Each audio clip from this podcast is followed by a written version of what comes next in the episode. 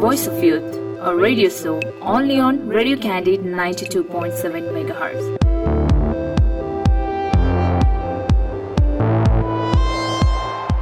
नमस्कार तपाईँ सुन्दै हुनुहुन्छ radio Candy ninety two point seven mega hertz यो भोइस यो पावर र कार्यक्रमको नाम हो भोइस अफ युथ जहाँ हामीले विशेष गरी युथलाई मोटिभेट हुने खालका कुराहरू गर्छौँ र यो कार्यक्रम यहाँले पोडकास्ट र हाम्रो पात्रको एप डाउनलोड गरेर पनि सुन्न सक्नुहुन्छ साथै खबर अपमा पनि हेर्न सक्नुहुन्छ र आज हामीसँग एक विशेष अतिथि हुनुहुन्छ जो अडिटर एसोसिएसन नेपालका फाउन्डर प्रेसिडेन्ट हुनुहुन्छ कमल खरेल सर हुनुहुन्छ। म उहाँलाई स्वागत गर्न चाहन्छु। कमल सर यहाँलाई धेरै धेरै स्वागत छ। धन्यवाद।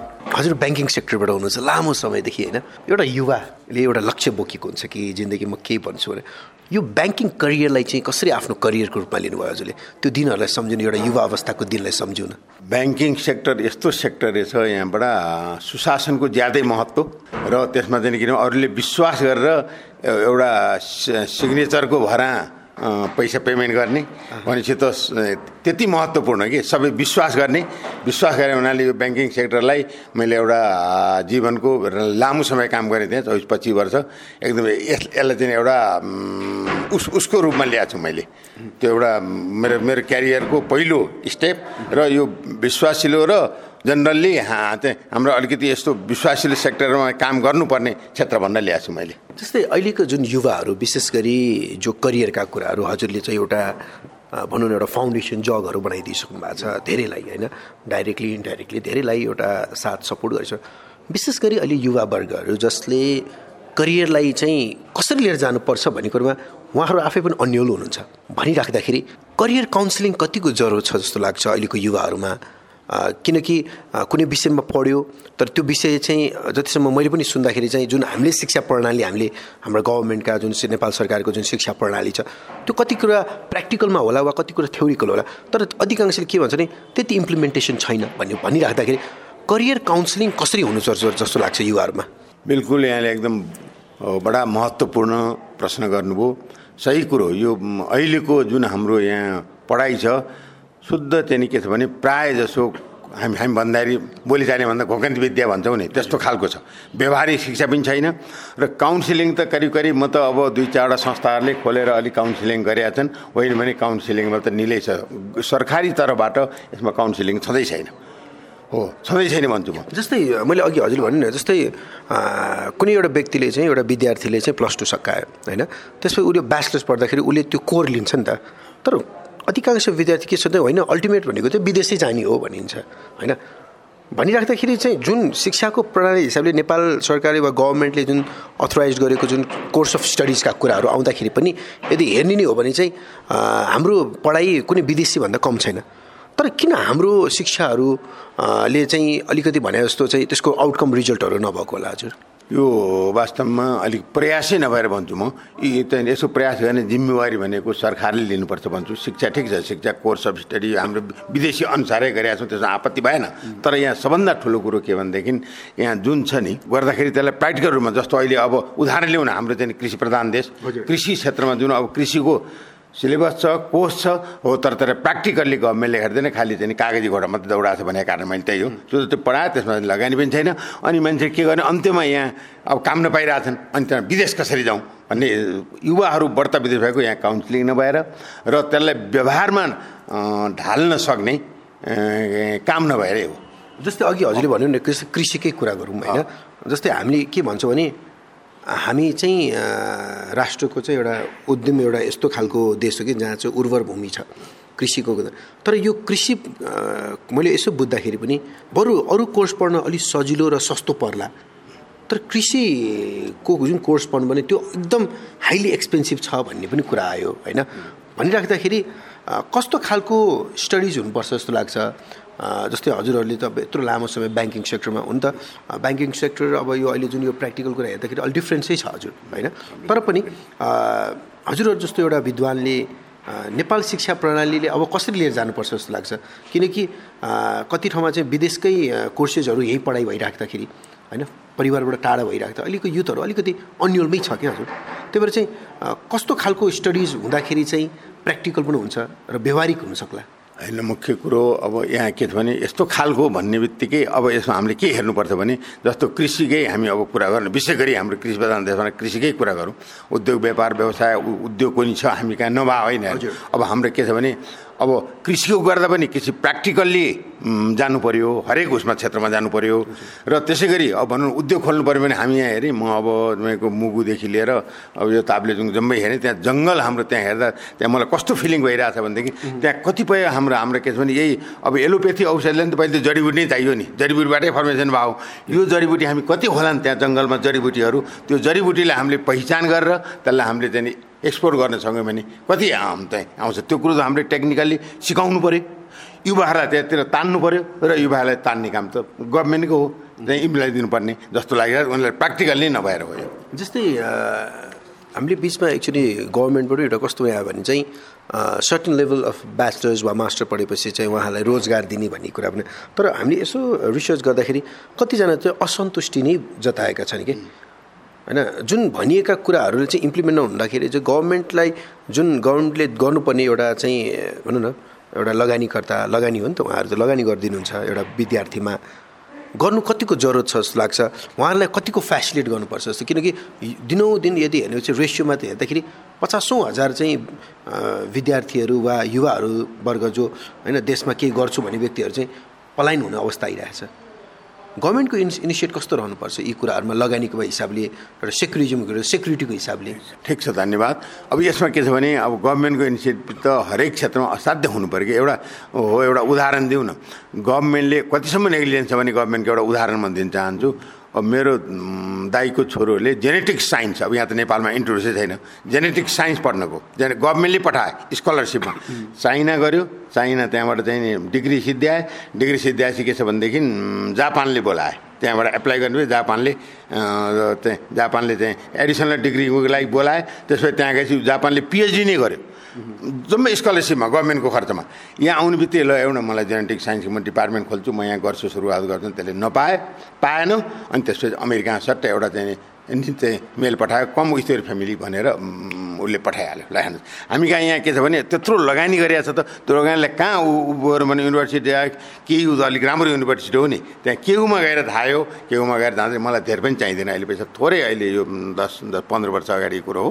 मलाई त्यहाँदेखि बिस हजार रुपियाँ दिए पुग्छ। भन्दाखेरि पनि त्यति पनि पाएन र ओरिजेन्टिक साइन्स डिपार्टमेन्टबाट गयो। त्यस्तो यस्तो भइरहेको छ कि हामी कहाँ? यहाँ जान्छौँ अनि काम पाउँदैनौँ। अनि युवाहरू चाहिँ हतोत्साही भएर अनि त्यहाँबाट विदेशी पलायन हुनु। अब विदेशमा त्यो सुख छैन त्यहाँ। भयङ्कर काम गरेर भयङ्कर कस्तो कस्तो ठाउँमा गएर काम गरेर हाम्रो यहाँको डिग्री गरेर व्यक्तिले पनि। हेर्नुहोस् है त्यसले गर्दाखेरि हाम्रो यहाँ के छ भने गभर्मेन्टले चाहिँ एकदम इन्ट्रेस्टै नल्याए भन्छु म। सबभन्दा हजुर। जस्तै अहिले पछिल्लो समयमा विभिन्न सामाजिक सञ्जालहरू छ। वा भने गुगलबाट हामीले यो केही लेख्ने बित्तिकै हामीले कति कुरा ज्ञान नलेजहरू छ। त्यो टाइममा हजुरको जुन एउटा समय छ जहाँ चाहिँ अब फोनकै कम्युनिकेसन पनि एकदम कम हुने होइन? आर्थिक रूपले पनि धेरै खर्च नहुने। त्यो एउटा युवा कमल भन्ने व्यक्ति त्यो युवा कसरी आफूलाई चाहिँ मेरो लक्ष्य जीवनको यो हो मेरो भिजन यो हो म आज यो ठाउँसम्म पुग्छु भने कि उसको एउटा सङ्घर्ष कस्तो थियो? कमल भन्ने एउटा केटाको सङ्घर्ष कस्तो थियो जब ऊ युवा हुँदाखेरि? होइन यसमा उद्देश्य त्यो खालको उद्देश्य चाहिँ के छ भने अब म यहाँनिर पुग्छु भन्ने सुरुदेखि एउटा त्यो पनि अलिकति कमी भएको देखिन्छ कि? अहिलेको उसमा जुन उद्देश्य लिएर म यसो गर्छु भन्ने उद्देश्य अब त्यही कमल भन्ने व्यक्तिकै उद्देश्य लिँदाखेरि एकदम उसले म टार्गेटमा यहाँ पुग्छु है। यसरी जुन क्षेत्रमा जहाँ काम गर्छु त्यो मेरो अब त्यहाँदेखि भविष्यको लक्ष्य यस्तो हुन्छ भनेर सुरुदेखि नै त्यो एकदम जरुरी हो। वास्तवमा सुरुदेखि नै अलि अलिकति बिचमा गोलमाल हुने एउटा कुरो होइन? होइन भने टार्गेट लिएर गएपछि सफल होइन्छ भन्ने त्यो कमलकै उदाहरण पनि लिन सकिन्छ। एउटा एउटा कमललाई बनाउँदाखेरि उसको घर परिवार उसको अभिभावकको ठुलो भूमिका हुन्छ। कति ठाउँमा चाहिँ बाबा म यो गर्छु मामु म यो गर्छु भनिराख्दाखेरि कति ठाउँमा चाहिँ अब्जेक्ट पनि भइ आउने अवस्था हुन्छ। मैले यो प्रसङ्ग सन्दर्भ किन जोड्दैछु भने अभिभावकको भूमिका कस्तो हुनुपर्छ एउटा युवामा? किनकि मलाई पनि एउटा उदाहरण दिन्छु म पनि कुनै ठाउँमा चाहिँ मलाई चाहिँ बिजनेस गर्छु भन्दाखेरि हाम्रो परिवार कसैले बिजनेस गरेको छैन भन्नुभयो क्या? होइन? म पनि एउटा अब ब्याङ्किङ सेक्टरको एउटा भनौँ एउटा हाई लेभलकै लेभलमा पुग्नु भएको व्यक्तिको छोरा हो म पनि होइन? भनिराख्दाखेरि मलाई तर के लाग्थ्यो मलाई चाहिँ बिजनेस गर्नु मन छ भन्दाखेरि तर मलाई चाहिँ होइन बिजनेस भन्दा ब्याङ्किङ गर। किन सायद त्यो सेक्युर जब भएर नि होला होइन? भनेर मैले पनि गरेँ। केही समय पाँच छ वर्ष चाहिँ गरेँ मैले पनि होइन? तर जो युवामा म के गर्छु भनिराख्दाखेरि आर्थिक रूपले पनि परिवारले कतिको सपोर्ट गर्नुपर्छ जस्तो लाग्छ तपाईँको भूमिका किनकि फलानाले डक्टर बन्यो भने डक्टरै बन्नुपर्ने होइन? इन्जिनियर भने इन्जिनियर बन्नु के छोराछोरीको हक हुँदैन कि आमा बुवालाई चाहिँ आमा बुवा म यो गर्न चाहन्छु भन्दाखेरि त्यो के रोकआउट गर्न कतिको जरुरत छ र वा उहाँहरूको इच्छामा हामी हिँड्नुपर्छ के छ? बिल्कुल एकदम हन्ड्रेड पर्सेन्ट सही सही प्रश्न गर्नु वास्तवमा यो एकदम महत्त्वपूर्ण हो। उसको रुचि के छ? उसको इच्छा अनुसार त हामी जानै पर्छ। दायाँ बायाँ हेर्नु न हामीले। के छ भने सल्लाह दिने एउटा कुरो यो सेक्टरमा देखाउने तर उसको रुचि भएन भनेदेखि बिचमा त्यो चाहिँ नि ड्रप हुनसक्छ उसको इच्छा अनुसार भएन भनेदेखि करिब करिब अब सबैको उसमा त्यस्तो धेरै उदाहरणहरू छन् कि इच्छाले यसो गर भन्यो उनीहरूले नमानेपछि मैले यसो गर्छु भन्दा भन्दै अब चाहिँ मेरो गार्जेनले चाहिँ उसले प्यारेन्ट्सहरूले मान्नु भएन मैले यसो गरेँ भन्ने धेरै उदाहरण छन्। त्यसले गर्दाखेरि पहिलो फर्स्ट कुरै उहाँ इच्छा के छ? उनीहरूको इच्छा अनुसार हामीले अगाडि बढाइदिनुपर्छ उसलाई फेसिलिटेट गर्ने काम मात्रै उसको हो तर इच्छा चाहिँ उसैको हुनुपर्छ भन्ने पक्षमा छु। मैले यो किन यसमै फेरि जोड्न चाहेँ विशेष गरी युवाहरूमा कस्तो हुन्छ नि म यो पढ्छु भन्दाखेरि होला ल यसमा स्कोप छ त भन्ने एउटा स्कोपका कुरा हुन्छ करियरका कुरा किनकि भोलिको दिनमा स्टेबिलिटीको कुराहरू हुन्छ। भनिराख्दाखेरि स्कोप त आफै क्रिएट हुने होइन र। कि स्कोप बनाउने हो कि स्कोप क्रिएट गर्ने हो हजुरको विचारमा? स्कोप भनेको आ एउटा कुरो आफ्नो चाहिँ आफूले चाहिँ आफूले बनाउनु बनाउनु पर्ने बनाउँदा त पहिले इच्छा चाहिँ जाग्नु पर्ने। पहिले त एउटा के छ भने सपना देख्नु पऱ्यो आफूले। ल सपना देख्नु पऱ्यो म यसो हुन्छु भनेर। अनि त्यो सपनालाई कसरी प्रयासरत गर्ने भने अगाडि बढ्नुपर्छ। त्यो डेफिनेटली लेटर सुनर चाहिँ नि त्यो आउँछ भन्ने पक्षमा छु म। सफल हुन्छ हजुर कतिजना युवाहरू हामी देख्छौँ। क्या जस्तै मैले यति पढेँ मैले यस्तो गरेँ तर भएन भएन भन्दाखेरि यो यो खालको भावना किन उहाँहरूमा उत्पन्न भइरहेको जस्तो लाग्छ? जस्तै पढ्न पनि ल मानौँ मास्टर्सै पढ्यो डिग्री पढ्यो सबै गर्दा हातमा हातमा जागिर छैन। एउटा सस्टेनेबिलिटीको कुराहरू आउँछ कि? त्यो एकदम हतोत्साहित र यो एउटा मानसिक रूपले पनि अलिकति अस्वस्थ भइराखेको देख्छौँ क्या युवाहरू। यो वास्तवमा जिम्मेवारी को हुन् को हुन् जस्तो लाग्छ? वा हाम्रा समाज हुन् कि? हाम्रा नीति नियम हुन् कि? हामीले गर्न नसके हाम्रा गभर्मेन्ट सेक्टरका व्यक्तिले गरेको हुन् कि? वा हामी परिवारबाटै यो भइराखेको हो कि? उहाँहरू जस्तो एउटा जुन हुन्छ एउटा क्रिएटिभ मान्छेलाई हामीले यसरी डल बनाउँदाखेरि यो सिङ्गो राष्ट्रलाई नोक्सान हुने काम त होइन हजुर? हो डेफिनेटली। अब हामीले त्यसरी एउटा उसको गर्दाखेरि राष्ट्रलाई अथवा उसको परिवारलाई स्वाभाविक हो होइन? हामीले हामी चाहिँ हामी आफै ड्यामेज गराउँ हो तर यसमा के छ भने उही मैले भने नि चाहिँ सपना देख्नु पऱ्यो एउटा कुरो र त्यो अनुसार सपोर्ट गर्नु पऱ्यो अरू कुरो।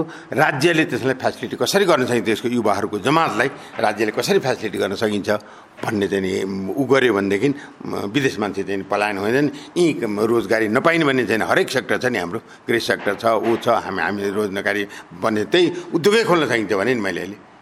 एलोपेथी औषधि त्यत्रो यो जङ्गलै जङ्गलको उसमा कति त्यहाँ हाम्रो जडीबुटी महत्त्वपूर्ण जडीबुटी इन्डियाले इन्डियाको उताबाट लुकी लुकी चाहिँ गइरहेछ चाहिँ कति चोरी निकासी भइरहेछ हाम्रो यहाँबाट गर्न सकेका छैनौँ होइन। त्यो पक्कै पनि त्यो त्यो गर्दाखेरि समेत जोइन्ट जिम्मेवारी हो। हो पहिले आफ्नो र त्यसपछि प्रयास गर्नु त अब सम्बन्धित व्यक्तिकै व्यक्तिलाई बढ्ता दिनुपर्छ र फेसिलिटीहरू चाहिँ गरिदिने काम चाहिँ परिवारको हो। परिवारलाई चाहिँ गार्जेन भनौँ अथवा प्यारेन्ट्स भनौँ त्यो उनीहरूले चाहिँ भूमिका खेलिदिनुपर्छ अभिभावकहरूले। जस्तै हजुरले युवा अवस्था एउटा हरेक उमेर एउटा वृद्धदेखि लिएर एउटा भनौँ न एउटा वयस्कदेखि लिएर युवा वर्गको सबै फेजहरू पास आउट गर्नुभएको छ। भनिराख्दाखेरि जीवनका सङ्घर्ष भोगाइलाई हजुरले कसरी लिनुभएको छ? किनकि तपाईँ आज सफल हुनुहुन्छ त्यसमा के विफल पनि थिए होला वा सफलै सफल थियो होला? सफल व्यक्ति बन्नलाई के ऊ अनसक्सेसफुल हुनु जरुरत छ कि विफल हुनु जरुरत छ कि छैन? के छ? सक्सेसफुल व्यक्ति हुनलाई वास्तवमा पहिलो कुरो के छ भने काम भने कुनै ठुलो सानो भन्ने केही पनि हुँदैन। जुन काम आउँछ अगाडि त्यसलाई गर्ने अगाडि बढेर त्यसमा इच्छा राखेर सिधा मतलब के छ भने लगाम लगाएर म यहाँ पुग्छु हो चाहिँ भनेर लाग्नुपर्छ।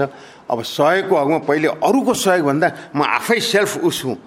हुन्छु भनेर सेल्फ स्ट्यान्ड लानुपर्छ म पनि सेल्फ उसबाट काप्रेबाट हुनु पर्यो। सेल्फ मोटिभेसन हुनु पर्यो।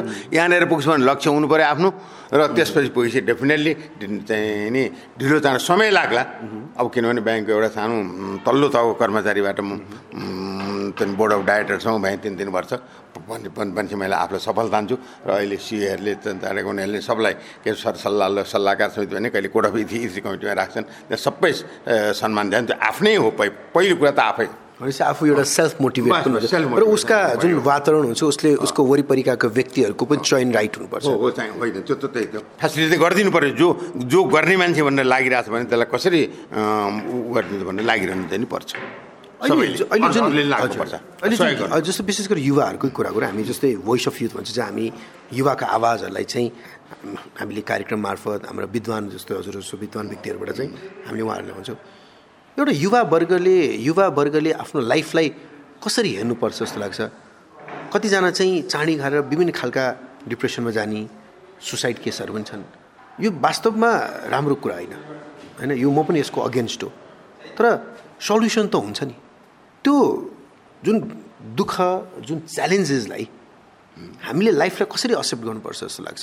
किनकि भनिन्छ नि life is a challenge meet it हरेक टाइममा चाहिँ सङ्घर्ष गर्दै त्यहाँ चाहिँ केही न केही चाहिँ बाधा बाधा अर्जन त भइराखेकै हुन्छ भनिराख्दाखेरि लाइफलाई कस्तो खालको च्यालेन्जलाई मिट गर्न सक्नुपर्छ हामीले? अब मुख्य कुरो के छ भने लाइफ इज स्ट्रगल भनेको छ हो किन हामीले हामी सङ्घर्ष नै हो जीवन भने मैले तल्ले एकदम सङ्घर्ष गरेरै आयो सङ्घर्षै गर्नुपर्छ भन्ने पक्षमा छु। दायाँमा त्यसलाई आफ्नो ठाउँमा लानलाई सङ्घर्ष गर्नुपर्छ। युवाहरूले हतोत्साही हुनुहुन्न। सम्पूर्ण हरेस खानु कहिले पनि एउटा जीवनमा मान्छेले सबै कुरा खानुहुन्छ आपत्ति भएन तर हरेस भन्ने शब्द कहिले पनि नखाएर युवाहरू अगाडि बढ्यो भनेदेखि त्यो डेफिनेटली युवाहरूले मलाई हरेस नखाएर अगाडि बढ्नुपर्छ भन्ने सुझाव दिन्छु। जस्तै हामी लगभग कार्यक्रमको अन्त्य अन्त्यतिर पनि आइसकेका छौँ हजुर। हजुरको वाणी हजुरले भनेका कति कुराहरू चाहिँ साँच्ची नै एउटा अभिभावकको रूपले पनि तपाईँले भन्दाखेरि मलाई धेरै खुसी लाग्यो। कतिजना कस्तो हुन्छ भने हामी कार्यक्रममा बोलाउँछौँ। तर अभिभावकले के चाहिरहेछ? अभिभावकको भूमिका कस्तो रहनुपर्छ? भन्ने कुरामा धेरै जसो हामीले अ, युवा वर्गको अभिभावकसँग त्यहाँ धेरै अन्यलता देखेको छौँ। भनिराख्दाखेरि जिन्दगीका अनेक दौड दौडनमा काम गरिराख्दाखेरि कहिले कहिले चाहिँ यो चिज मैले गर्नु नहुने थियो। ओहो यो चिज गर्दाखेरि आज म यो ठाउँमा छु। भन्ने त्यस्तो कुनै सम्झना लायक एउटा कुनै स्मरण छ हजुरमा होइन मलाई यसमा त सम्झना लायक मसँग खासै छैन। सधैँ छैन भने पनि हुन्छ। म किनभने जुन टार्गेटमा गएको थिएँ त्यो टार्गेट फुलफिल भयो भयो मेरो त सङ्घर्ष त मैले जीवनमा धेरै गरेँ। धेरै गरेँ। त्यसैले म युवाहरूलाई के गर्छु? युवाहरूलाई पनि अभिभावकहरूलाई के भन्छु भने उसको इच्छालाई मार्न नदिउँ। अगाडि बढ जाउँ र नि के छ भनेदेखि चाहिँ तपाईँ त्यो युवाहरूको डेफिनेटली लेटर अर सुनर केही समयहरू छ सङ्घर्ष त भने जीवन नै सङ्घर्ष भनेर भनिरहेको छौँ हामीले। सङ्घर्ष गर्नुपर्छ तर सफल भइन्छ भन्ने पक्षमा छु। देशलाई कस्तो युवाको खाँचो छ अहिले? यदि किनकि तपाईँ हरेक सेक्टरलाई बुझ्नु भएको छ हाम्रो देशलाई वास्तवमा कस्तो खालको एउटा युवा वा लिडर चाहिरहेको छ जस्तो लाग्छ? अब युवाहरूले के छ भने अलिकति फार साइटेड युवा चाहिएको छ। अलिकति भविष्यमा कसरी जाने भन्ने कुरो एउटा कुरो। अर्को जो सङ्घर्ष गरेर माथि आछन् नि सङ्घर्ष गरेकाले कसरी सङ्घर्ष गर्नुपर्छ कसरी उ गर्नुपर्छ भन्ने चाहिँ बुझाइ हुन्छन् त्यो बुझाउने काम चाहिँ त्यस्तो खालको युवाहरूले लिने काम चाहिँ नि पहिले त गभर्मेन्टले मोटिभेसन गर्नु पऱ्यो त्यसपछि आफै सेल्फ कन्फिडेन्समा अगाडि अगाडि बढ्नुपर्छ युवाहरूलाई र हाम्रो हामीलाई चाहिने भने अब अलराउन्डर युवा चाहिएको छैन अब यो देशको के छ भने कृषि क्षेत्र त्यस्तै भत्रगोल छ अब औद्योगिक क्षेत्र त्यस्तै औ- उद्योगै छैन अब अहिले त्यत्रो भनौँ न हामीले पहिले पहिले चाहिँ धान चामल निर्यात गर्छौँ बाहिर धान चामल निर्यात कम्पनीमा छ सातवटा खोलिएको थियो। अहिले कसो गरेर अहिले हामी आयात कममा चाहिँ गर्नु परिरहेको छ भने यो मुख्य कुरो पहिलो प्राथमिकता कृषिलाई नि ध्यान दिनुपर्छ। कृषि नभइकन हाम्रो देश चल्दैन कृषिलाई ध्यान दिने खालको कृषिलाई कसरी फेसिलिटी गर्न सकिन्छ गभर्मेन्टले त्यसलाई फेसिलिटी गर्नु पऱ्यो र यसलाई यसलाई चाहिँ अगाडि बढाएपछि इन्डस्ट्री पनि तीबाट पैदा हुन्छ र चाहिँ नि हाम्रो खालको अनि युवाको समाधान हुन्छ भन्ने पक्षमा छु। Thank you so much Kamal sir एकदम धेरै ज्ञानवर्धक खालका कुरा भन्नुभयो। हजुरको समय व्यस्त बावजुद पनि हामीलाई यसरी समय दिनुभयो। जाँदा जाँदै के भन्न चाहनुहुन्छ हामीलाई अहिले जो जसले सुन्दै हुनुहुन्छ रेडियो मार्फत र हाम्रो पात्रको एप डाउनलोड गरेर जो जसले अहिले सुनिराख्नु भएको छ रेडियो क्यान्डिडेट उहाँहरूलाई के भन्न चाहनुहुन्छ हाम्रो कार्यक्रमको मार्फत हजुरले? धन्यवाद। खासै त भनाइ केही छैन। सबै अब भएको यो भनाइकै दौडानमा आइसकेका छन्। तैपनि के छ भने युवाहरूले हतोत्साह नहुने युवाहरूले सङ्घर्ष गर्नु जीवन नै सङ्घर्ष भन्तिर अगाडि लाग्ने र अभिभावकहरूलाई पनि के सुझाव दिन्छु भने आफ्नो चाहिँ के छ भनेदेखि सन्ततिले ल्याएका कुराहरू र त्यसलाई कसरी जानुपर्छ भने उनीहरू सुझाव लिँदै अगाडि बढ्नुपर्छ र डेफिनेटली सुझाव हुन्छ भन्ने सुझाव दिन चाहन्छु। धन्यवाद। Thank you so much okay धन् धन्यवाद। उहाँ हुनुहुन्थ्यो Kamal Kharel sir founder president of auditor association Nepal र पक्कै पनि आजको कार्यक्रम विशेष यस कारण रहेको एउटा यति सिनियर व्यक्ति चाहिँ मेरो एउटा निमन्त्रणा स्वीकारेर हाम्रो स्टुडियोसम्म आइदिनु भयो। उहाँले हिजोदेखि नै धन्यवाद दिँदै चाहन्छु अगाडि म बिदा हुन चाहन्छु। सुन्दै गर्नुहोस् radio Candy ninety two point seven mega यो भोइस यो पावर गुड नाइट